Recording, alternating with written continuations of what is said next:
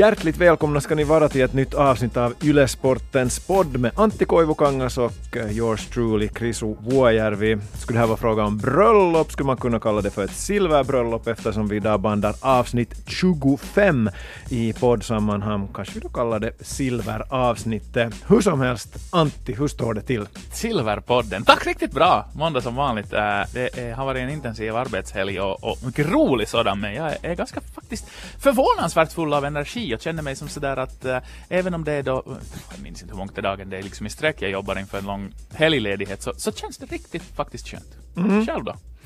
Uh, jag är lite trött, men inte så sliten som jag befarade igår då jag gick och la mig där kring halv två. Jag, Dude. Ja, hej, NFL-säsongen sparkar igång. Mitt stora favoritlag Miami Dolphins vann. Woho! Men uh, den här matchen i Miami så blev avbruten två gånger på grund av blixtar som slog väldigt ner, ner, ner, nära stadion. Och det var inte något korta avbrott det handlade utan det här första handlade om uh, dryga två timmar. Så spelar man en stund och så blev det ett nytt avbrott. Och då när klockan var där strax efter ett så kastade jag in handduken, vilket visade sig vara ett helt smart beslut för att det där andra avbrottet pågick och också ytterligare en timme efter att jag gick och la mig. Men jag tittade på matchen efter att jag hade vaknat och, och Dolphins vann så vackert så. Vitsi var bra. Hur gick, vet du nog hur det gick för mitt favoritlag Redskins? Spelade de då? Ja, de spelar, men nu, ja, nu, nu kommer jag inte ihåg. Då är det dags att koppla in uh, veckans gäst, vår vän och kollega Toffe Herberts. Uh, hur gick det för Redskins och vad var veckoslutets höjdpunkt för dig? Redskins vann vill jag påstå. Ja, jag Alex Smith var- jag hade deras quarterback ja. i mitt fantasylag, så, att, så att tack för frågan. Men jo tack, ett alldeles utmärkt veckoslut för mig. Jag satt också uppe ganska länge när ni nu pratade om det, men jag följde faktiskt det svenska valet, en civiliserad man som jag. Lite. NFL också, ska jag erkänna. Ja, ja, Redskins mos alltså Arizona, Antti, 24-6. Ja men bra så. Då ska jag också outa mig med vad jag tittade på under gårkvällen och då var det alltså en, en jag fyllde en lucka i min, mitt kartotek av Bondfilmer jag sett och eh, kollade Spectre på Nelonen och hade det svenska valet på padda och hade NFL ganska långt ner i hackordning. Men hej, Redskins vann och det är glädjande. Uh, en gammal keps på 80-talet som jag fick hem från USA gjorde att det blev mitt favoritlag. Fanns inte någon bättre story än så. Chriso, varför är det Dolphins ditt lag? Uh, det blir en lång story, men jag försöker hålla den kort. På 80-talet så visade dåvarande Kolmonen, eh, det vill säga att kanalen som sen blev MTV3, så, så fyllde den ut sändningar med att visa eftersändningar på NFL och då tyckte jag att det här är häftigt och så tyckte jag att uh, Miami Dolphins spelar ett väldigt fascinerande spel med mycket kast, mycket passing med Dan Marino som quarterback. Så på Ah. den vägen är jag. Och, och då när jag studerade när internet kom, så det var ju en, fantastisk grej. Man fick är resultaten snabbt. Och jo, jo, jo, herregud, jag är mossig som, som bara den. Och, och jag minns att jag gick till uh, akademins de här datasalar för att lyssna på Miami Dolphins matcher mitt i natten. Så att där ugglade jag med, med några graduskribenter och, och, och jublade ibland och de tittade på mig lite snabbt. Och du blev klar från akademin? Nå, med darr på ribban. Ja, för du måste, före vi börjar prata sak på allvar här, så måste du också outa dig själv. Vilket är ditt NFL-lag och varför? Nej, alltså jag håller på New England Patriots, så det får jag göra för i alla andra länder och i alla andra ligor håller jag på skitlag som aldrig vinner någonting, så därför har jag inte ens dåligt samvete för det. Det är ett bra val. New England Patriots, Washington Redskins och Miami Dolphins. Vi följer dem lite extra under den här säsongen, som alltså har börjat nu, det vill säga det var kickoff. Igår. Eller? Okej. Och de håller på till Super Bowl som är i maj? Nej, februari. Vad dålig jag är. Tycker jag vi går vidare. Ja, första veckoslutet i februari om jag minns rätt. Fantastiskt. Hej, vi rullar vidare.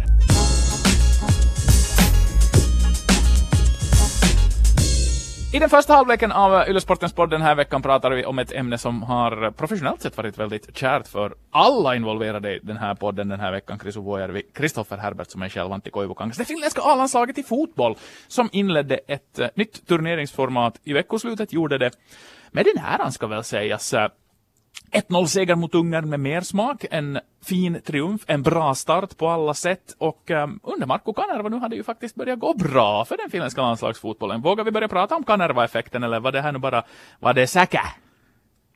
Nå, om man tittar på bara på resultaten i och för sig så det var ett tacksamt läge att komma in efter Hasse Backe så har ju sen förändringen varit, varit ganska total och jag tycker att uh, någon delorsak och till och med ganska stor så kan tillskrivas Markku Kanerva. Uh, Finlands spelsätt under, under hans ledning så kan kännas lite mossigt och, och ganska simpelt med 4-4-2 och, och, raka linjer, men, men den har sina fördelar. Det är simpelt och, och det är lätt för spelarna att anpassa sig. Och, så passar det ganska bra tycker jag det här finländska spelarmaterialet som, som Kanerva har som, till sitt förfogande och det ska Kanerva ha en eloge för. Vad va Hasse Backes filosofi var då han var Finlands förbundskapten, det tycker jag är lite oklart för mig fortfarande. Sen, sen, ja, och sen, sen Miksu Paatelainens julgran som var kanske lite för sofistikerad och, och, kanske stundvis lite för offensiv och sen tyckte jag att spelarna stundvis kanske inte riktigt själv heller uh, var, var bekväma under slutskedet av, av hans era med den här uh, filosofin och spelsättet. Men, men äh, uh, jag tycker att, att Kanervas stora grejer, stora positiva saker, att, att uh, han känner ju spelarna utan och innan. Han brinner för finländsk landslagsfotboll och finländsk fotboll. Uh, han vänder på varje sten, han är nitisk och det är långa spelarpalaver inför för varje match och så vidare, till och med ibland för långa om man får tro på ryktena. Men, men hur som helst, så, så i motsats till Hasse Backe, som jag på, från flera håll nu har hört att han kanske nu inte brann eller åtminstone fick man den bilden att han inte brann för det här uppdraget sådär jättemycket. Så, och, och det i sin tur leder till att kanske spelarna smittas av, av att de upplever att okej, okay, vi, vi hade bara en taktikpalaver på ett par, tre minuter. Kanske vi också lite mm, genar i, i vissa kurvor och så vidare. Så, så Kanerva har gjort, gjort mycket rätt, men han balanserar, tycker jag, på en ganska, uh, vad ska jag kalla det, en skör lina. För att han är så otroligt okarismatisk och Urheilulehti så har ju börjat kalla honom för Perusmarkku. Det tycker jag är ett jättebra smeknamn som jag hoppas att, att äh, äh, kommer att, att vinna gehör. Äh, han är grå, han är okarismatisk och, och, så länge som de här resultaten går Finlands väg, han har sju, åtta segrar på 17 matcher, så inte knarrar man ju då. Men vad händer den dagen då, då Finland stöter på tuffare motstånd, har lite motgångar? Är Kanerva den person som kan leda Finland genom en sån storm? Och för det handlar ju både om att säkert de media och, och kanske också spelarna funderar på att är han rätt, rätt man på, på rätt plats. Men so far so good. Jag tycker att, att vi inte ska underskatta Kanerva-effekten för att uh, summera det hela så här avslutningsvis. Alltså Finland har spelat fem matcher i rad, tävlingsmatcher i rad utan förlust, och det ser ju väldigt anmärkningsvärt. Uh, sen så, Island hemma, okej, okay, Island är Island, men Island hemma, Kosovo hemma, eh, Kosovo borta, Turkiet hemma, Ungern hemma, det är, ju, det är ju liksom matcher som Finland gärna får ta poäng i. Och sen Kroatien borta och krysset där är ju då det resultat som står ut i den här raden på fem. Men om man nu tar Hasse Backe, hans företrädare, som, som den man jämför med, så var det ju anmärkningsvärt att Hasse Backe trodde Finland skulle bli ett bättre fotbollslag genom att spela mot otroligt bra nationer. Han hade sin väldigt klara teori där när han startade och när han valde träningsmatcher och när han använde sina kontakter, att Finland ska spela borta mot Polen och Belgien och Italien och den vägen så ska Finland lära sig att spela mot de, de bättre nationerna. Och Marko Kanerva går ju en helt, helt annan väg. Där var det Vitryssland hemma i, i träningsmatchen i juni, som Finland vann och lyckades få ännu mera positiv effekt kring laget på, på så sätt.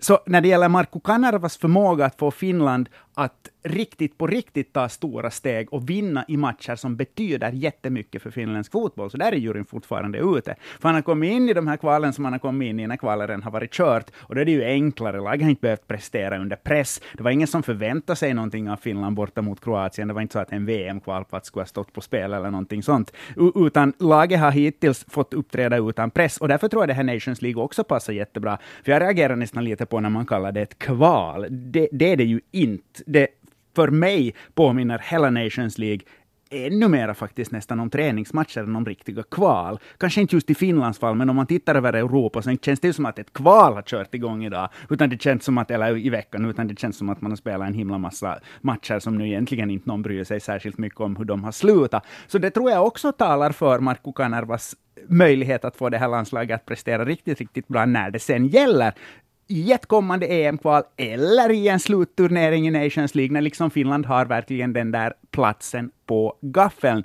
Stämningen, känslan, atmosfären i laget är helt klart den rätta. Och det har han fått, inte bara på grund av spel, utan eh, på vilket sätt laget spelar, In, inte bara på grund av taktik, utan också på grund av motståndarvalet och de lag som Finland nu har fått spela mot på senare tid. Och där passar ju Nations League som hand i handske.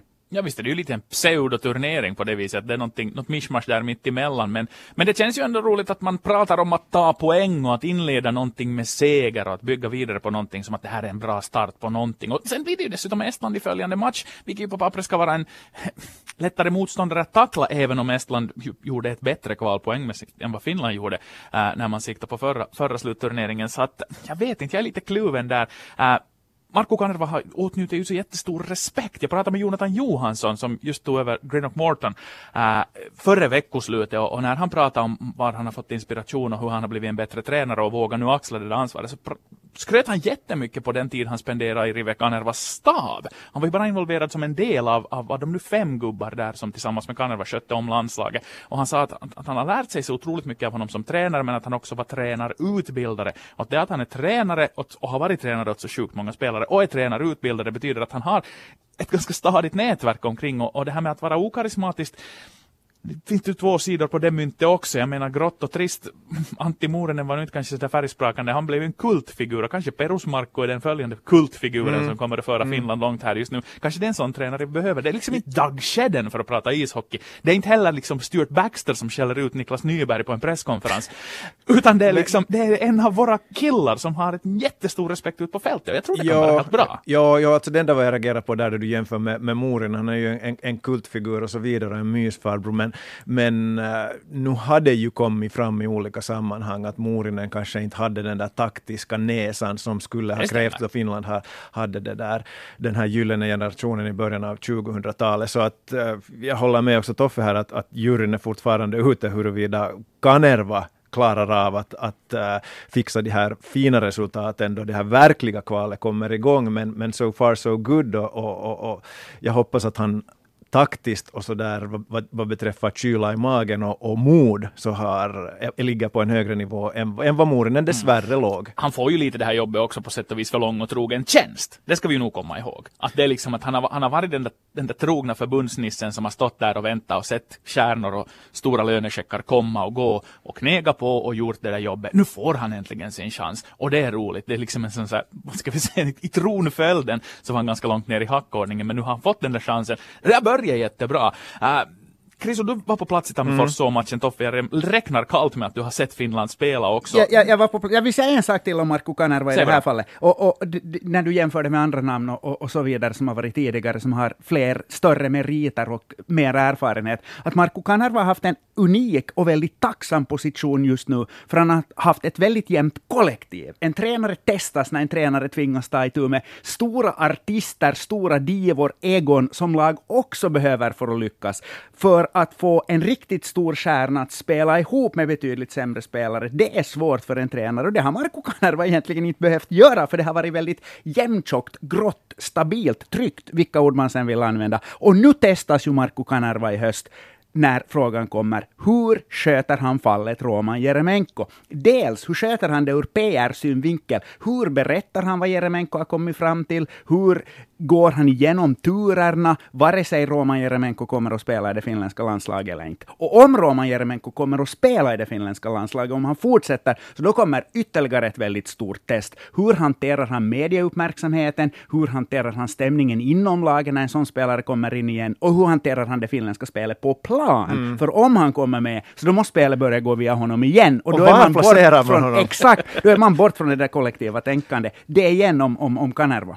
Det är jättebra att du säger det, för då har vi en Perus Markku som har fått träna ett Perus Huhkajat. Och det är match made in heaven. Det är därför det har funkat. Det har varit jämntjockt och jämntjockt och de här two wrongs make a right. Men det där är jättebra att du lyfter fram det för att nu blir det ju en spännande oktobermånad sen när det blir aktuellt och just att vad, vad kommer att hända sen. Men snabbt över till det som kommer att hända mm. i det följande. Det vill säga, det var fräscht, det var piggt, det var energiskt, det var mycket löpningar i Tammerfors. Uh, spegla insatsen på Ratina och spekulera mot Åbo och Kuppis seger tycker jag att, att väntevärde ska vara Finland på hemmaplan mot Estland och, och med tanke på då det flyt som trots allt, det medvind som trots allt finns om och kring landslaget, så, så det är åtminstone mitt väntevärde.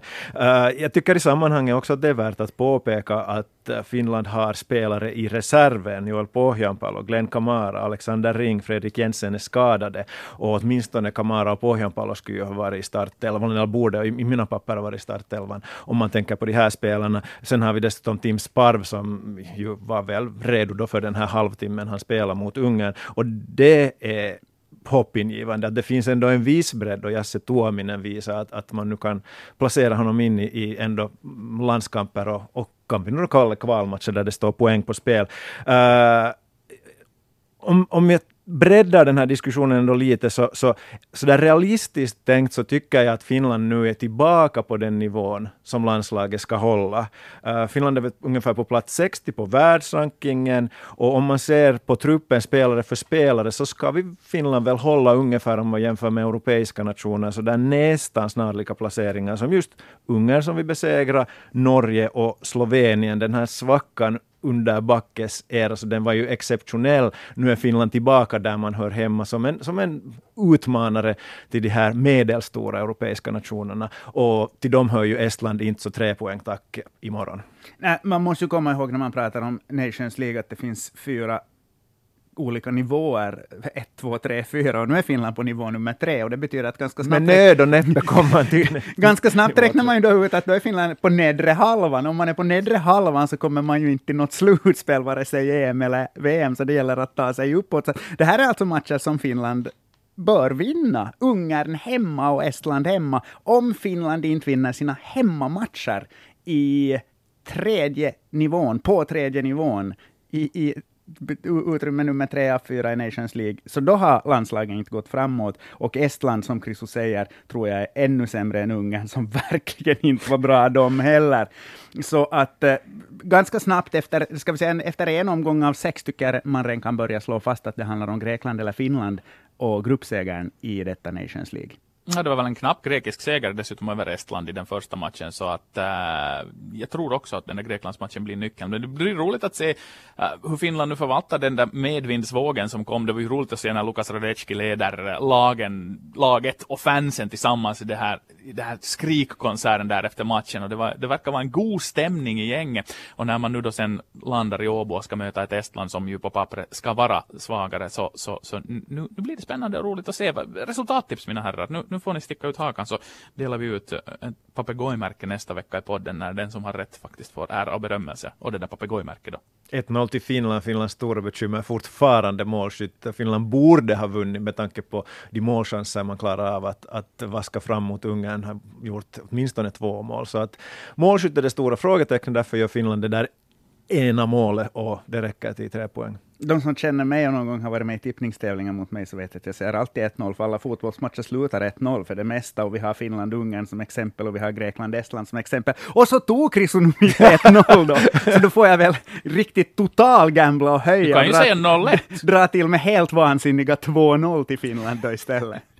Jag är pessimisten här mot strömmen bara för att skapa lite nerv i, i gamet och säger att det slutar 1-1, en sen kvittering av Finland och så är det sådär att vi räddar poängen men äsch, vi borde ju nu ha vunnit för vi var spelmässigt mycket bättre. Men Chris Vuojärvi 1-0, Toffe Herberts 2-0, Antti Koivukangas 1-1. Sanningen får vi veta på tisdag och så rannsakar vi oss själv nästa vecka.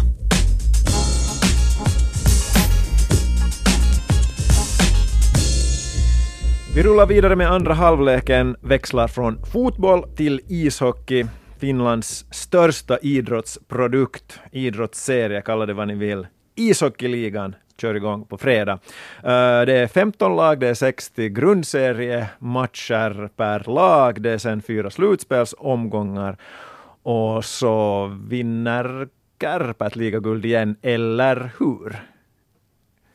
Ska vi säga som så, jag tror att Kärpät vinner grundserien. Jag tror att om man kikar på trupperna så har Kärpät en sån tyngd eh, och bredd och bevisligen ett väldigt välfungerande tränarteam och ett spelsätt som ytterligare har fått mogna en sommar och bli ännu bättre. Så att 60 omgångar grundserie så tror jag vi har Ulla och Borg i topp. Men annars tycker jag den här ligan faktiskt är riktigt cool, för att jag ser fem lag som hur bra mm. som helst kan bli mästare. Sen är det jättelångt hopp för mig om vi diskuterar potentiella mästare från lag nummer fem till lag nummer sex. Men förutom Kärpät då uppenbara Tappara, Djup IFK, TPS, HIFK. Och jag tycker att, att, jag tycker att alla fem de här fyra övriga har definitivt potential med en värvning hit eller dit och rätt flyt att utmana sen Kärpät till slutspel på våren. Så Kärpät är inte alls någon solklar guldfavorit, klar favorit för att vinna grundserien, men när det gäller guldet tycker jag faktiskt att de på riktigt är femombudet, som alla nästan ligger någonstans där på knappt 20 procents guldchans. Mm, det ser man ju också då man tittar på oddsen, att det är ganska stort hopp sen från femman till sexan. Men Antti, hur ser du på saken? No, det är ju um, usual suspects, precis som Toffe säger. nog är svårt att säga att någon sån här Saipa, låt vara att det såg bra ut i fjol, eller ett Kalpa nu mitt i allt igen skulle gå upp dit och hota slutspelslag. Ja, men, men, men i det långa loppet sen, Kärpät är ju nog, det, det, det är maskinellt produktivt när det kommer till Mikko Manners ledarskap och, och, så som det funkar i grundserien. Nu var det en ganska rejäl marginal de vann den här grundserien med i fjol också, så att det här,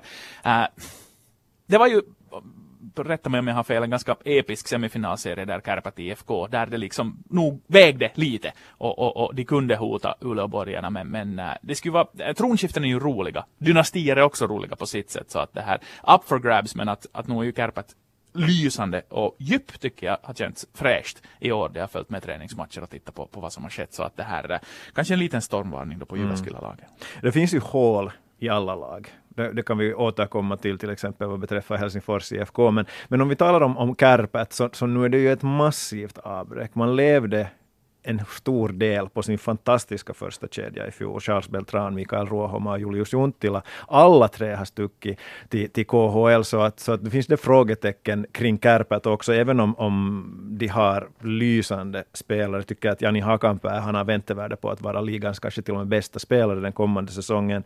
Uh, Veini Vehviläinen visar i slutspelet att han är en, en, en oerhört bra målvakt. Man har Otte Ohtamaa tillbaka, man har Mika Pyörälä tillbaka, Niklas Lasso är en jättebra tvåvägscenter och så vidare. Så att Kärpät definitivt är den största, men inte med stor marginal, mästarkandidaten. Sen om man tittar på ligan så där mer allmänt så, så förbluffas jag nog av att det är tre olika nivåer på lagen. Vi har de här fem mästarkandidaterna som, som Toffe redan nämnde. Sen har vi, vad blir det, sju lag som håller ganska snarlik kvalitet. Men om någon av de här lagen ska ta medalj så är det redan en skräll. Men sen har vi också tre lag som på pappret känns nog så oerhört mycket svagare än de övriga och det är Sport, KK och Jukurit.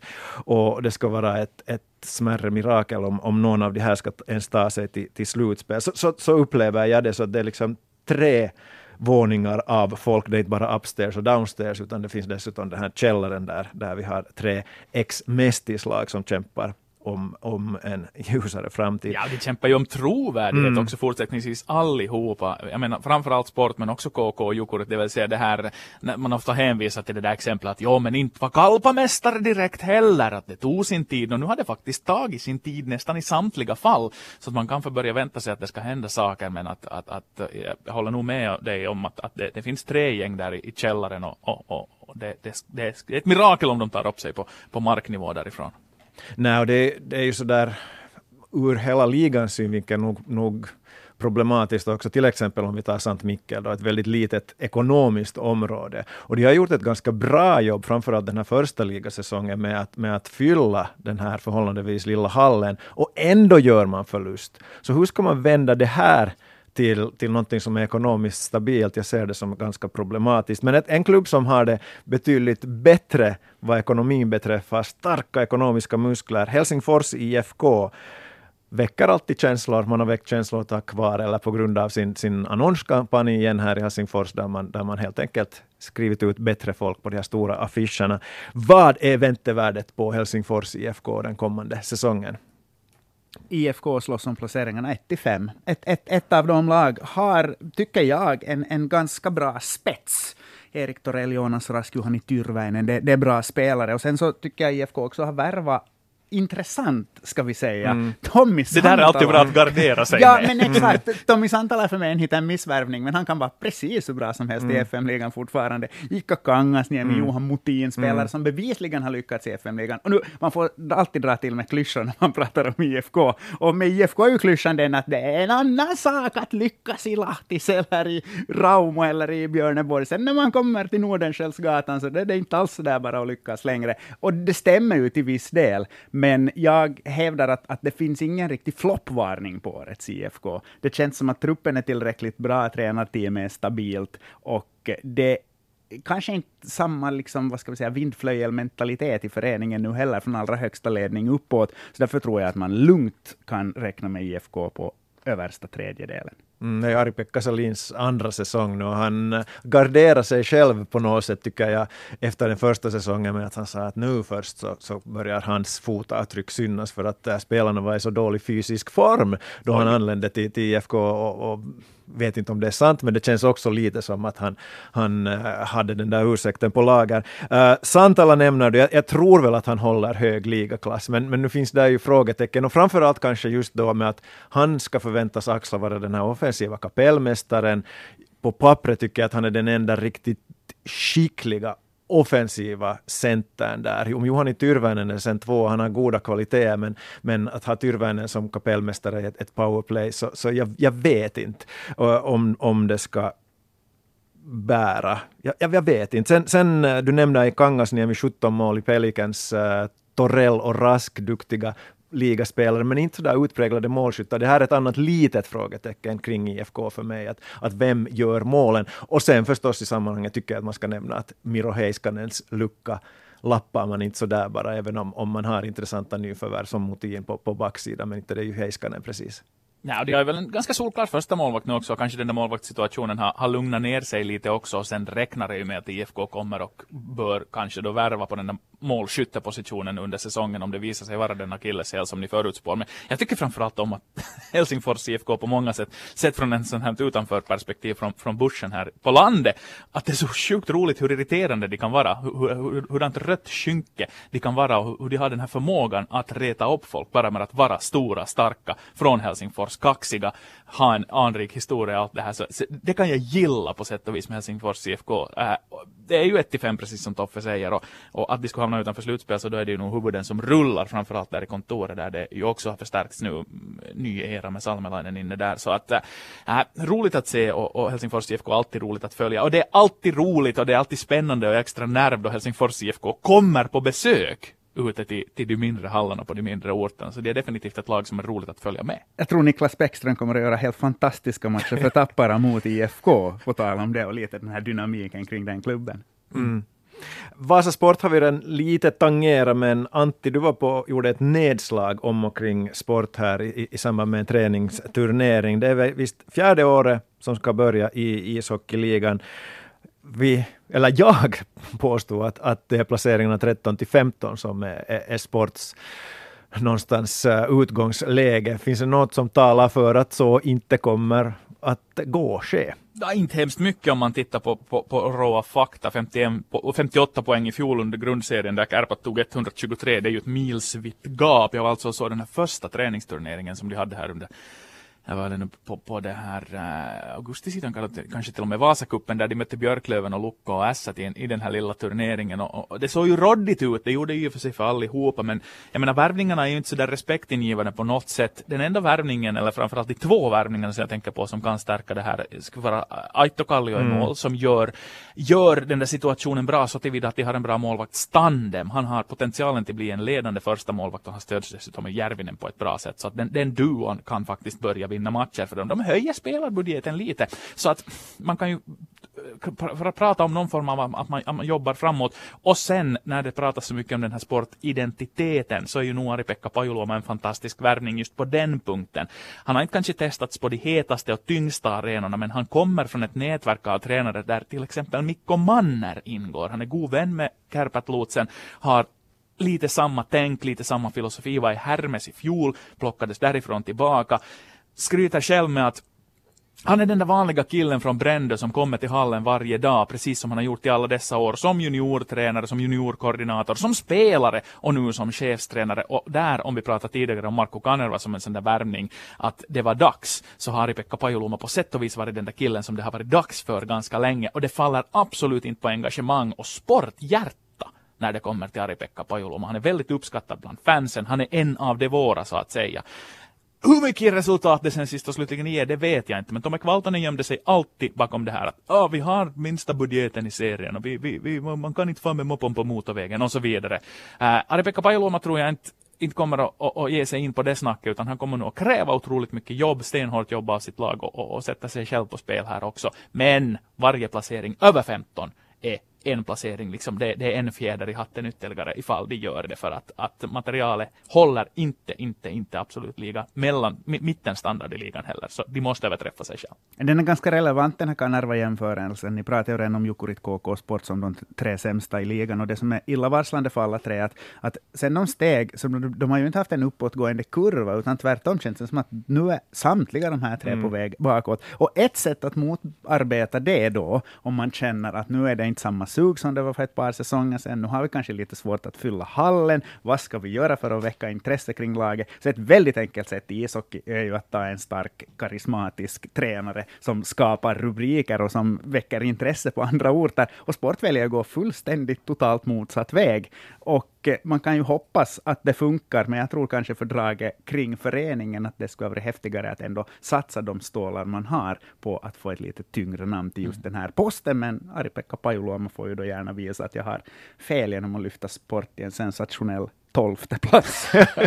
ja, det blev ju en slutspelsresa under de här första fyra åren och den tog slut omedelbart mot TPS. Så att om man nått slutspel en gång, äh, då var det liksom sådär att nu gick allting enligt planerna. Första året såg vi och lärde, nu tog vi oss till slutspel. Men sen från den slutspelplaceringen, plopp, så har man landat ner 14-15 och, och, och, och, nu, nu skulle det måste ske, det som finskans ord, korjauslike. Mm. Lite samma sak med Jukurit där också, som ju någonstans har varit Risto Dufvas privatprojekt och nu är han borta och mm för mig känns det som att det kanske är lite nästan sådär att dra, dra proppen ur den sjunkande båten i Sant Mikkel. Sen så tycker jag ännu, om vi nu blandar in toppen igen och trä, tränare och hela den här diskussionen med hurdan typ av tränare man vill ha, att djup är för mig den här säsongens första jok, största joker, just på grund av deras tränare. De har så otroligt, otroligt mycket rutin i spelartruppen. Alla de här verkliga Jarkko Immonen och Tuppurainen och Mäenpää på backplats och sådana. Och så har man Lauri Merikivi, 35 år gammal, som ingen egentligen vet någonting om utanför Jyväskylä som chefstränare. Ser ut som en bilförsäljare. Jätteintressant kombo det också. Mm.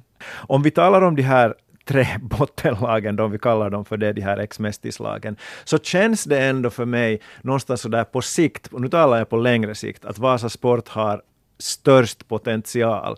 Vasaregionen är förhållandevis livskraftig. Det finns företag och det finns uh, uh, en ekonomi som, som känns mer robust än den i Sankt Mikkel och i Kouvola. Så att om, om regionen slutar upp kring sport, och då, då krävs det oftast förstås då att, att uh, de idrottsliga framgångarna blir lite större, så har nog sport betydligt större, i mitt tycke, möjligheter att etablera sig nu i första hand som ett, ett kan vi kalla det ett mittenlag i, i ligan, för det tar nog länge innan, innan Sporti ska på, på allvar utmana om, om medaljer, men, men, men baby steps kanske i det här fallet. Men, men helt nattsvart tycker jag inte att läget är i Vasa. Men hej, om, om ligan ännu så mycket, det är äh, ett nytt äh, mediaavtal. Telia kommer att visa de här matcherna och det har varit en del om och kring debatt, men så där allmänt äh, intresse för den finländska ishockeyligan, har den blivit större? Är den fortfarande på samma nivå eller ser det lite dystert ut på den fronten. Antti, hur, hur resonerar du? Ja, jag tycker det är jätteintressant att en aktör som Telia ger sig in på det här och gör det med buller och bång och säljer liksom skräddarsydda paket som inte har funnits att tillgå förr, det vill säga att du kan köpa ditt lags matcher och sånt här. Det är ju, det är ju en, en, utveckling som, som vi är sena med om vi tänker som så rent internationellt sett vad man kan ha kunnat göra med sina favoritlag tidigare och, och sina favoritserier. Jag menar ni nämnde ert Visst ert kunde man väl göra det under Rotos tid? Ja, men, men, men sådär specifikt som att man säljer ut det där paketet. Alltså liksom det, det, det, ja, de marknadsför Ja, exakt. Ja, att ja. liksom Roto, Roto kändes ännu mer, ännu fortsättningsvis som en TV-produkt. Det vill säga att man pratade om, om, om att det var liksom, det var, det var fortfarande att när, när telkkarista oma suosikkijoukkueesi. Men nu, nu, nu, på sätt och vis känns det som att man går in i en liten ny era och det är ju jättestora krav och jättestora utmaningar för hockeypubliken är kräsen och de vet vad de vill ha och de vet vad de har haft. Så att, att det ska bli spännande att se hur, hur den debatten kring hockeyn påverkar populariteten. För vi är ju långt ifrån Hockey Night-tider, när man hade de här veckoslutsmatcherna som alltså faktiskt nådde en miljon publik när de spelades. Uh, idag är det väldigt nischat, men hockeyn är en så stark produkt så att jag tror att ändå att den här kombinationen med väldigt specifik pay-per-view och en så stark produkt som finländsk ishockey uh, kommer att lyckas. Sen om det tekniskt sett faller ner som det borde och allting, all, alla bitar faller på plats, så det lär de kunna lösa med sin finansiella muskel. Men jag, jag, det, det, är en ny era. Håller ni med om det? Men hörni, nu är det profillöst. Om man Ja. kollar sådär att vilka är de största stjärnorna i FM-ligan, man kollar till exempel på det där Jack Ekolehtis berömda tjocka nummer där de listar de hundra bästa spelarna inför säsongen. Och så kollar man vad det är för namn i topp. Jo, nummer ett är Atte Ohtama. Det är inte många år sedan hela Svensk-Finlands gemensamma nättroll var fruktansvärt upprörd över att han ens spelar VM. Att hur kan man med, han var med i truppen, vem har tappat förstånd det här? En så värdelös Krisu kall, Krisu kallar va- honom i den här podden för Otte till och med. Sa jag det? Ja. Åtte Ahtama. Nej, du sa nog, jag tror nog du sa Ohtama, men det blev Okej. Otte. Du kan kolla, vi kan spola tillbaka. Spela upp den där effekten. Åtte Ohtama, Åtte Ohtama, Åtte Ohtama. Här. Så det är liksom hela, hela ligans bästa spelare nu. Och sen, sen om, om man sen tittar på de här spelarna som på riktigt slåss om att vinna poängligan eller vinna målligan eller bli bästa målvakt eller bästa back. Så det är Ola Palve och Ville Leskinen och Veini Vehviläinen och Jani Hakanpää och Kasimi Jürgens till och med. Alltså ingenting ont om de spelarna, men inte är det ju direkt som för några år sedan när man funderar på om Aho och Laine kommer att lyckas exakt så bra som folk tror att de kan lyckas. Klart det, det finns en Kotkaniemi där också som, är, som en ung, ung joker, men jag skulle säga inte är det lätt att sälja betalkortspaket eller det är ju inte sådana längre, utan att man köper en, en rättighet att titta på matcherna på webben. Man måste nog tycka om de här lagen himla, himla mycket. Inte, inte är det så där att man bänkar sig ner för att se en random FM-ligamatch Ilves Saipa, för där finns tjockt med profiler. Mm. Alexi Heponiemi, då du nämner äh, Laine och Puljujärvi, är väl en spelare som jag hoppas att ska bli en lyskraftig spelare den här säsongen och sen ta sitt pick och pack och åka till, till Florida. Men du har nog helt, helt rätt för att skillnaden är nog markant till, till, till 90-talet.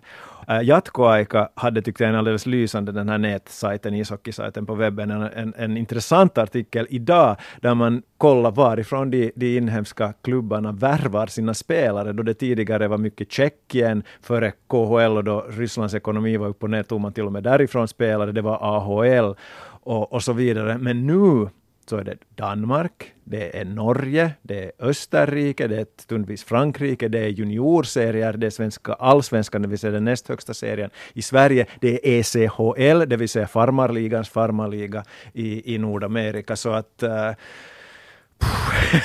det, det är en stor skillnad till hur, hur ligan såg ut på, på vid millennieskiftet kan jag väl klämma till med då, då den här produkten riktigt var, var lyskraftig.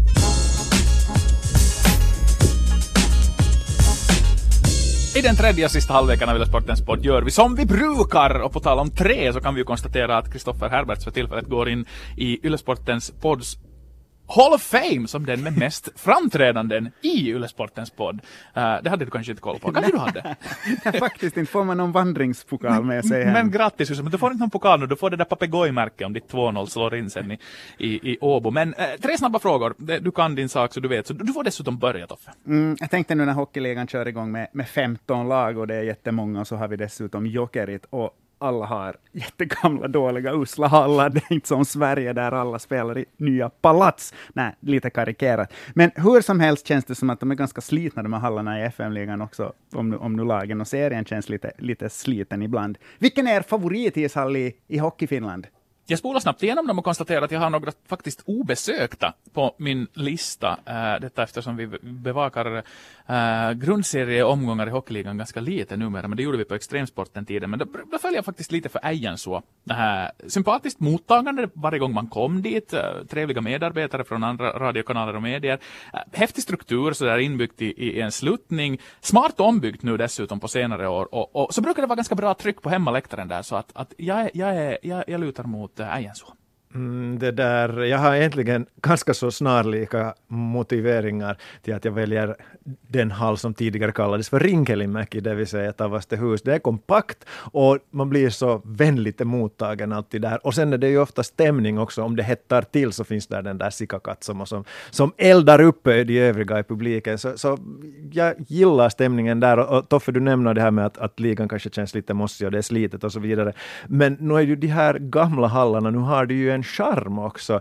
Uh, tänk Helsingfors IFK om man inte skulle spela på Nordenskiöldsgatan. Jag är illa rädd att uh, Tammerfors ishockeyn tappar en del då man lämnar Hakametsa för den nya hallen som är på kommande. Och jag tycker det sämsta exemplet på en flytt till en annan hall och också den sämsta ishallen i Finland är Åbo i ligan. Den tycker jag är steril, det är sådär äh, ekar, man hör spelarna i princip då, då stämningen är lite hipp som happ. Så att, så att äh, de här gamla slitna hallarna så, så tycker jag är charmiga. Kan vi, kan vi före Toffe svarar här enas om att, att vi och sen om någon på SPT eller HBL lyssnar på det här, att vi börjar konsekvent i finlandssvensk media prata om Kringelbackens ishall. Så blir det liksom en grej. Jag vill ha jättemånga nya stora fina hallar till Finland. Jag ser jättemycket fram emot nya hallen i Tammerfors. Och till och med Helsinki Garden om det kommer en sån. Jag är på det sättet ingen nostalgiker och så väljer jag ändå en ganska nostalgisk hall tycker jag för att också lite komplettera er. Jag tycker om ishallen i Björneborg. Jag tycker att den är hederlig också. Jag tycker att den har det där vad ni pratar om. Stora ståplatsläktaren. Old, old, old time, old school hockey. Och exakt som Chriso säger, gamla goda tiden, en enorm ståplatsläktare på långsidan. Mm. Sånt tycker jag om. Mm. Ja, bakom spelarbåset dessutom. Chriso, du får ställa följande fråga. Ja, uh, en av våra mest trogna lyssna, lyssnare i, i, Sverige finns han, uh, ishockeykolumnisten och, och, och Twitter-profilen kan vi väl kalla honom, Risto Pakarinen. Så, så en av hans stora grejer är att, att han verkar älska 80-talet. Och då fick kommit på tanken att, att vi ska för övrigt ha Risto Pakarin som gäst någon gång i podden. No, men hur som helst, uh, då, då jag följde hans tweets om 80-talet och hans Facebook-uppdateringar så, så, så, kom jag bara till, till den här frågan att uh, vilket årtionde är ert favoritårtionde? Mm, jag kan ta och börja med tanke på att, att uh, jag går då tio år framåt i tiden och landar på min ungdoms 90-tal. Jag, jag, var ung, liten, ett barn på 80-talet och minns mycket grejer från det, men, men, men 90-talet och framförallt 90-talsmusiken för min del är nog så stor del del av min identitet så att eh, uh, ABC, Eurodance, the 90s, det, det är liksom, that's my home. Mentalt och fysiskt och på alla sätt. Ja, vad ska jag svara? 2010-talet är ju faktiskt, måste jag säga, på riktigt mitt favoritdecennium. Men eh, om vi tar idrottsestetik och lite sådär, kolla på hur folk hade sina spelblusar och frisyrer och sånt, vilket ju är en ganska väsentlig del när man väljer sitt favoritår, favoritårtionde i, i historien, så säger jag 70-talet. Mm, bra svar. Uh, jag svarar kanske 00-talet. Jag tycker Oj. att det var en, en jätterolig tid i mitt liv. Jag började jobba, fick mera pengar, jag hade tid att engagera mig i populärkultur, jag träffade min fru och så vidare. Så att det 00-talet med hård konkurrens då av olika årtionden, bland annat 90-talet och 2010-talet. Bra Putki, bra. Jo, jo, jo, Avslutningsvis, eh, som den vän av allitteration jag är, så ställer jag följande fråga. Vem av dessa är den största popikonen i era ögon? Madonna? Michael Jackson eller Meatloaf? Jag, jag, jag såg att du, du, tror jag på Facebook hade någonting om och kring Meatloaf, så att, att jag, jag, hoppas att du förklarar det hela hur han hänger ihop ändå i den här trion. Men, men jag förstår att du har haft honom i tankarna. Men nej, inte Meatloaf. Så det blir mellan Madonna och Michael Jackson och om jag väljer då helt enligt personliga preferenser vems alster jag lyssnar hellre till så med darr på ribban så blir det Michael Jackson och och så vidare. Då säger jag Madonna. Eller det skulle jag sagt annars också. Jag ansluter nog mig till Team Madonna jag också, en fantastisk karriär. Men Meatloaf då, hur kom han med här? till, till saken hör att ett av de bästa rockalbumen som finns, äh, någonstans, alla kategorier, så lyssnade jag på när jag körde hem från Norrvalla Cup i veckoslutet. Jag var med på en av P10ans matcher och körde hem därifrån sen i all hast till Nedevetil för att titta på IK Myran. Och då lagade jag på Bat Out of Hell 2 och jumalauta, start till slut, pure gold. Och sen som den vän av allitteration jag var så klart den här valet stod ju mellan Jackson och Madonna men jag ville bara få en Meatloaf, för Meatloaf får inte tillräckligt mycket cred i, i finlandssvensk media. Så därför var han med i den här frågan. Han är grym, grym, grym. Det var det för den här veckan. Vi säger tusen tack till uh, trippelpoddaren Kristoffer Herberts. Tack till er. Ha en fin vecka hörni. Fortsatt vecka. Chris Vuojärvi, vi hörs igen nästa vecka. Oh yes. Ni hittar den här podden som vanligt på alla ställen där den bor för tillfället. Yle Arenan, Spotify och iTunes. Ha en skön idrottsvecka.